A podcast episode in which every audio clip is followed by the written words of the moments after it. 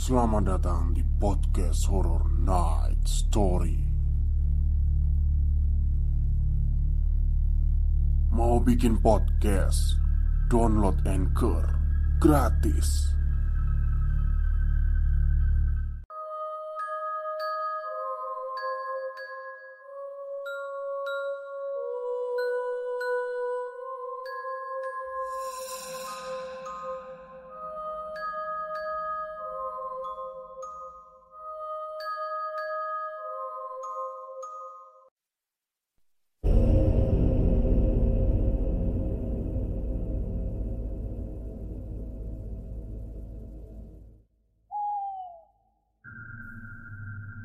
Assalamualaikum warahmatullahi wabarakatuh. Halo semuanya Jumpa lagi dengan saya Chow Sing Sing Kurator dari podcast Horror Night Story.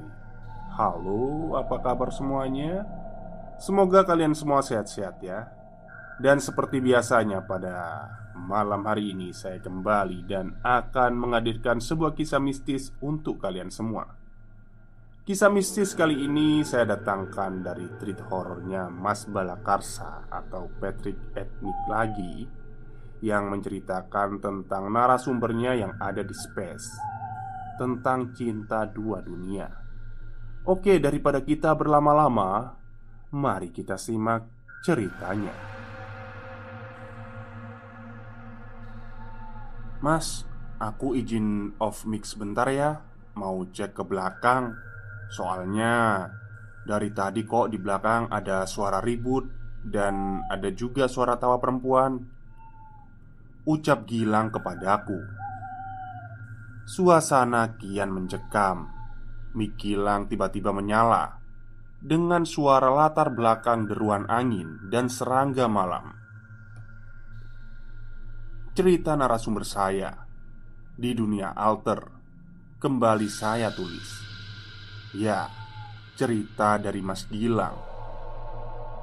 Cerita ini adalah cerita ketika space di malam Jumat yang sering saya selenggarakan. Angkringan rasan-rasan namanya. Dan kala itu Mas Gilang masuk ke space saya. Disclaimer. Bagi yang mengetahui akun atau nama asli narasumber, mohon disimpan pribadi saja karena saya sudah berjanji akan merahasiakan data pribadi yang bersangkutan. Catatan: siapkan air putih, ketuk meja, dinding, atau apa pun yang ada di sekitar kamu tiga kali. Jangan membaca sendirian, karena mungkin kamu nanti tak akan membaca sendirian. Mari langsung ke cerita. Malam Jumat. Seperti biasa Saya mengadakan open space rutin. Space untuk membahas beragam kisah pengalaman dari berbagai narasumber. Kala itu saya membahas film horor jadul Bersama salah satu pendengar Yang saya naikkan. Assalamualaikum mas. Selamat bergabung di space kami. Sugeng Rahayu Sapaku Waalaikumsalam Mas Rahayu. Balasnya. Wah, bahas apa nih mas? Film jadul ya? Tanya, tanyanya padaku. Haha, iya Jawabku. Film horor jadul yang masih aku inget ya Mumun mas. Yang matanya hijau itu. Haha Ucapnya. Kalau Jeffrey yang matanya merah ya? Hehe Balasku juga Memang dulu ada film jadul dengan demit pocong. Pemerannya ada Mandra selaku tukang gali kubur. Di kala itu meski film ini diputar di siang bolong Itu masih menjadi momok menakutkan bagi anak kecil seusia kami dahulu. Ya, mau bagaimana lagi? Satu TV tapi yang takut satu desa. Ya begitulah sekedar nostalgia. Berbagai hal kami obrolkan. Dari cerita kolosal misteri Gunung Merapi, film Susana, dan berbagai film jadul lainnya. Ada yang ingat Film horor jadul yang sempat mengisi masa kecilmu? Kalau hantu yang pernah viral di tahun 90 2000-an masih inget gak mas? Tanya dia yang namanya sebut saja Dito Wah, saya cuma ingat kalau dulu itu Mr. Gepeng. Hehe Jawabku dengan gelak tawa. Wah, nomor 7777 pasti Ucap Dito dengan gelak tawa juga. Ya, dulu pasti inget lah Mister Gepeng Katanya bawa uang satu koper. Lumayan kalau dikasih segebok Ucapku Tapi aneh sih mas. Ritualnya aneh. Meski ya kalau boleh jujur hantu Mister Gepeng itu serem loh. Ucap Dito. Dito pun bercerita dulu Ia sempat melakukan ritual pemanggilan Mister Gepeng. Ia datang ke wartel ke wartel menelpon nomor 777 tujuhnya tujuh kali ya. Ditemani seorang teman aneh juga dalam nomor yang ia telepon ada suara lelaku yang merintih kesakitan setelah menelpon esoknya ia datang ke toilet namun ia masih harus melakukan gerakan maju mundur Lalu, ketika itu berhasil, ia akan mendapatkan uang di lubang toilet. Wah, terus gimana? Dapat gak tuh? Tanyaku pada Dito. Dapat mas, 50 ribu tapi.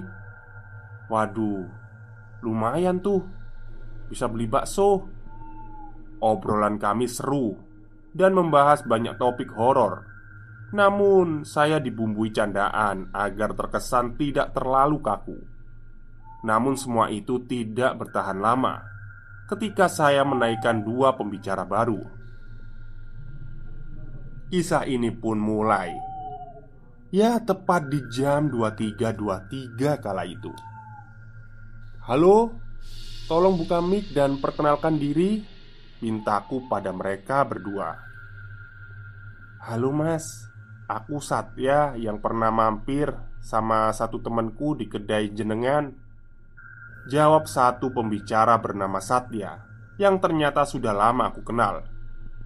Oh iya iya iya. Apa kabar? Tanyaku Alhamdulillah baik mas. Jenengan baik juga toh. Jawab Satya dibarengi pertanyaan balik padaku. Alhamdulillah. Bentar, satunya siapa mas? Buka mic. Pintaku pada satu lagi pembicara. Suara listrik statis. Saya dengar dari pembicara ini. Halo mas, aku Gilang. Aku dengerin dulu aja ya mas. Ucapnya. Oh, oke okay, oke. Okay, Jawab aku. Dito dan Satya secara serempak. Di sini Cari tempat nyaman susah. Terpaksa harus ke belakang Di dekat dengan hutan. Mari lanjutkan lagi. Maaf membuat menunggu. Saya akan cicil semampu saya Karena jaringan juga cukup menjancukkan hari ini Semoga saya nulis tidak ditemani Badarawi Karena konon Di depan saya menulis ini hutannya penghuninya sosok ular dengan tubuh atas gadis cantik. Tidak terlalu lama kami berbincang. Tiba-tiba Satya menceritakan tentang kisah lama dari ayah sahabatnya. Ia dan sahabatnya yang bernama Narendra dulu diceritakan bahwa ayah Narendra pernah mempunyai pacar cantik sebelum menikah dengan ibunya Narendra. Kisah percintaan antara ayah Narendra dan pacarnya itu berawal dari telepon nyasar Ya, meski di era 2000-an Terbilang hanya segelintir orang saja yang memiliki telepon genggam. Setiap malam Ayah Narendra intens sekali berkecap via, berkecap via suara dengan seorang wanita. Suara lembut tuturnya sopan dan gelak tawa lucu seperti gadis polos pada umumnya. Sampai kisah cinta yang dirasa hanya layaknya dunia maya Berubah menjadi kisah cinta di dunia nyata Sekian lama akhirnya bertemu. Ya sesuai dengan janji temu di tempat yang sudah disepakatkan di malam Jumat. Di taman kota B di dekat aliran sungai. Di bawah pohon tua asem Belanda Dengan kursi kayu tua di bawahnya. Mereka bercanda, tertawa berbagi cerita satu sama lain, guna menciptakan romansa pertama kali berjumpa. Apakah di zaman sekarang pacaran dunia maya masih ada? Ya, kalau ada, cepatlah bertemu agar percintaan dunia maya segera menjadi kisah cinta nyata. Jangan hanya berharap kisah dunia maya seperti kisah cinta telenovela karena berharap pada seseorang yang hanya kita kenal dengan perhatiannya di dunia maya Itu memang menyenangkan Tapi ingat Apakah selamanya hidupmu hanya akan kamu habiskan? Memiliki pasangan dengan layar persegi panjang Yang selalu kau bawa itu. Parasnya begitu ayu. Kulit putih bersinar dan wajah yang merah muda merona. Rambut terurai semakin memanjakan mata. Apalagi tertiup angin sepoi-sepoi. Begitu bahagianya ayah Narendra kala itu Ayah Narendra mengajaknya bermain di sekitar aliran sungai kecil Yang di sana ada sendang kecil Begitu asyik Begitu mesra layaknya dua insan Yang dimabuk asmara Sampai akhirnya di penghujung malam mereka harus berpisah. Nampak dari mereka tak rela jika waktu menyita kebersamaan mereka. Mereka ingin lebih lama, atau kalau bisa, waktu berhenti saja kala itu. Namun, itu tak mungkin. Mereka tetap harus berpisah karena mereka juga punya kegiatan masing-masing. Namun, di perpisahan ayah Narendra menemukan hal yang cukup ganjil. Wanita yang menjadi pacarnya ini tak mau diantar pulang, padahal sudah tengah malam. Dan anehnya lagi, meminta ayah Narendra untuk pergi duluan saja karena ia akan pulang sendiri. Meski ayah Narendra bersikeras untuk mengantarnya, namun tetap dan tetap ditolak halus. Dengan terpaksa ayah Narendra menurutinya. Beberapa bulan berganti Kisah percintaan itu masih berlanjut. Dengan via suara dan janjian temu di malam Jumat Selalu mereka lakukan rutin Sampai Ayah Narendra bertemu dengan salah satu pria tua bersorban di kota G Di sebuah rumah makan bakmi Jowo Mas, Jikalau kamu ingin hidup damai dan tentram, jauhilah wanita yang kamu gandeng sekarang. Itu untuk kebaikan hidupmu kelak, Mas. Ucap pria tua bersorban itu, lalu pergi meninggalkan ayah Narendra. Ucapan pria itu sedikit membuat sesak kepala ayah Narendra. Namun, jelas cinta itu buta. Bahkan cinta bisa membuat hal gila menjadi waras di mata insan manusia. Malam pun tiba. Ayah Narendra kembali bersua via suara dengan wanita pujaannya itu. Ya, meski ia sekarang ada di sebuah desa terpencil di rumah sahabatnya, ia keraskan suara sambil mengerjakan tugas kuliahnya. Lama mereka mengobrol sampai sahabat ayah Narendra mungkin penasaran akan apa yang dilakukan sahabatnya itu. "Sak, kamu itu kenapa?" tanya sahabat ayah Narendra. "Ini lagi teleponan sama nggarap tugas." Jawab ayah Narendra. Sahabatnya pun pergi meninggalkannya dengan anggukan kepala. Namun, tidak terlalu lama sahabatnya kembali dan bertanya lagi Kamu teleponan sama siapa sih? Dari tadi aku dengarkan kamu cuma ngomong sendiri kok Ucap tanya dan kalimat dari sahabat ayah Narendra Ini loh Dengarkan dengan benar suaranya Orang aku keraskan suaranya kok Masa nggak dengar? Loh, kamu lo ditertawakan sama dia Heh Jawab ayah Narendra Bocah gendeng Ucap sahabat ayah dibarengi dengan gerutu. Namun, terlihat ketika sahabatnya hendak masuk ke kamarnya, sahabatnya terkejut dan fokus melihat ke arah luar jendela. Nampak pula ayah Narendra melihat wajah pucat dingin disuguhkan oleh sahabatnya itu.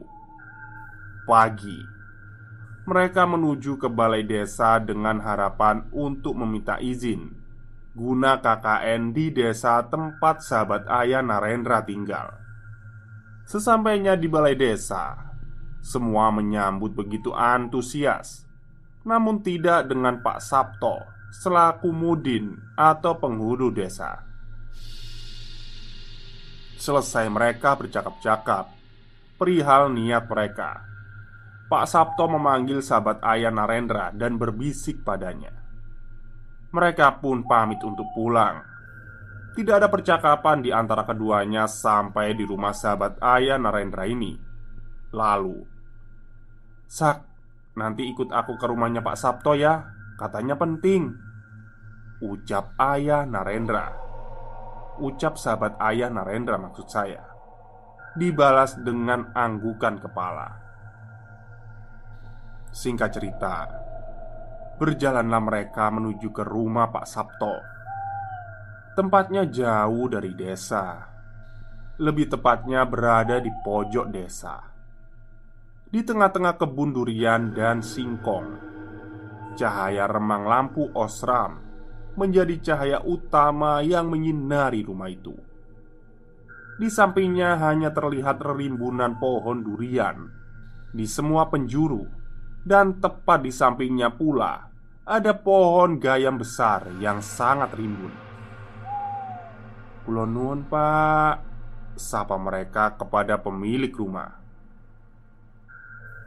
Monggo, monggo. Langsung masuk aja, Mas. Ucap pemilik rumah. Mereka pun masuk. Di sana di ruang tamu dengan kursi bambu bukan hanya ada Pak Sabto namun ada satu lagi pria tua bersorban Pria itu nampak tak asing bagi ayah Narendra Seperti familiar di benak ayah Narendra Jangan diem aja, duduk mas Ucap pria tua itu. Mereka pun langsung duduk. Di meja itu sudah ada empat cangkir kopi. Dimintalah ayah Narendra untuk meminumnya. Ini ada kopi. Silakan diminum mas Ucap pria tua itu. Waduh Saya tadi sudah ngopi pak Ucap ayah Narendra Udah diminum aja mas. Gak apa-apa gak usah sungkan. Ucap pria itu lagi dengan senyum menuduhkan Ayah Narendra pun meminumnya. Bahkan meminumnya seperti orang kehausan. Nah, sekarang gimana mas? Sudah enteng kan badannya? Tanya pria itu. Dan dibalas ayah Narendra dengan anggukan kepala. Kamu pasti mau nanya aku siapa ya?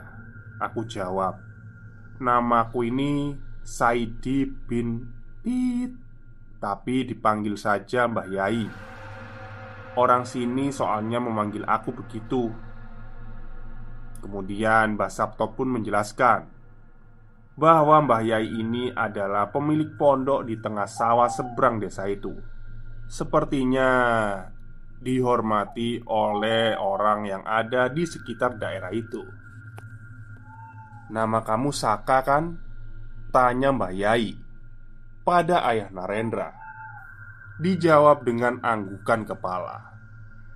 Namun timbul banyak tanya pada benak ayah Narendra Diajaknya ayah Narendra ke depan rumah Mbah Yai memandangi pohon gayam besar Lalu Mbah Yai mengucapkan kata yang membuat semua orang yang ada di sana merasakan rasa merinding yang begitu hebat. "Pacarmu namanya Kantil, kan?" tanya Mbah Yai pada ayah Narendra. Lagi dan lagi hanya anggukan kepala yang disuguhkan ayah Narendra. Lalu diambilnya bungkusan dari saku Mbah Yai Beliau menyalakan dan menancapkannya di dekat pohon gayam besar itu. Duk, iki lo pacarmu nak kene, kamu nggak mau ketemu? Ucap Mbah Yai. Sontak semua orang yang di sana terkejut merinding akan ucapan Mbah Yai. Nampak samar-samar ada bayangan hitam dengan uraian rambut panjang di belakang tepat pohon gayam besar itu. Nduk, gak usah malu, ayo ke sini.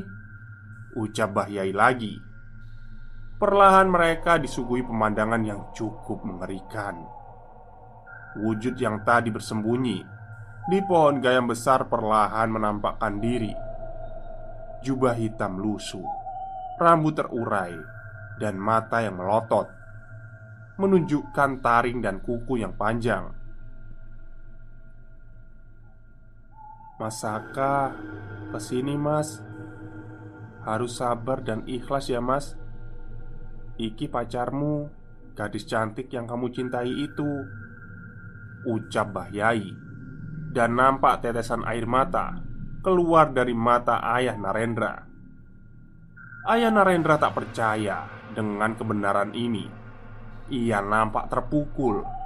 Kesedihan dan kekecewaan begitu menyelimuti hatinya. Duk, Sukma Kantil Sekarang Harus aku tulus Harus aku putus tali asih dan tali asmara kamu ya. Antara kamu dan Masaka Tempat kita itu berbeda. Jangan sampai Tuhan marah denganmu ya Nduk. Sekarang harus ikhlas Dan jangan mengganggu lagi. Kembali ke asalmu ya Nduk. Ucap panjang dari Mbah Yai Dijawab oleh anggukan dari sosok itu. Sosok itu Sukma Kantil Sebelum pergi Sukma Kantil berubah menjadi gadis cantik jelita Dengan segala kesempurnaannya Ia melambaikan tangan mengisyaratkan salam perpisahan Ya, pada pujaan hatinya Saka Lalu ia berangsur berjalan pergi dan hilang ditelan oleh kegelapan malam. Ya, begitulah ceritanya, Mas. Ucap Satya menceritakan kisah panjang tadi. Wah, cukup seram juga ya. Demit bisa punya akses di dunia maya. Ucapku sedikit tertarik dengan cerita Satya tentang ayah Narendra. Namun tiba-tiba Izin open mic Mas Bala Ya dari semua yang saya ceritakan Mas Satya Tapi kok aku malah nggak percaya ya Ha Ucap Gilang tiba-tiba Ya alangkah baiknya. Ambil baiknya saja Mas Gilang. Toh juga asli atau tidaknya Kita bukan orang yang mengalami. Ya cukup diam dan nikmati saja kuncinya Ucap jelasku. Namun kata-kata dari Mas Gilang membuat kami sedikit kesal. Karena itu sama saja dengan doa. Kalau aku jadi ayah sahabatnya Mas Satya tadi Aku sih gak mau dipisahkan mas. Kapan lagi Dapat pacar yang nyari sempurna Meski itu demit. Haha. Ucap Gilang dengan nada yang saya kira sedikit sompral. Jadi gini mas Gilang. Dalam ceritakan selaku kita pembaca atau penyimak Kita boleh percaya atau tidak yaitu kembali pada diri kita masing-masing. Bukankah manusia setiap hari hanya bersanding dan bersandiwara dalam kehidupannya? Seringkali menyembunyikan kebenaran dalam kesedihan, ia tutupi dengan kesenangan, bagai senyuman palsu yang dibuat menjadi kenyataan. Ucapku, cerita masih sedikit panjang, tapi kepala saya sudah mau pecah. Ya mungkin karena saya terlalu memaksakan diri Karena beberapa hari ini dalam menemui narasumber atau narahubung beberapa cerita Baik, Selamat beristirahat dan rahayu. Baik, itulah cerita kedua dari space-nya Mas Balakarsa atau Patrick Etnik yang menceritakan tentang cinta dua dunia ya.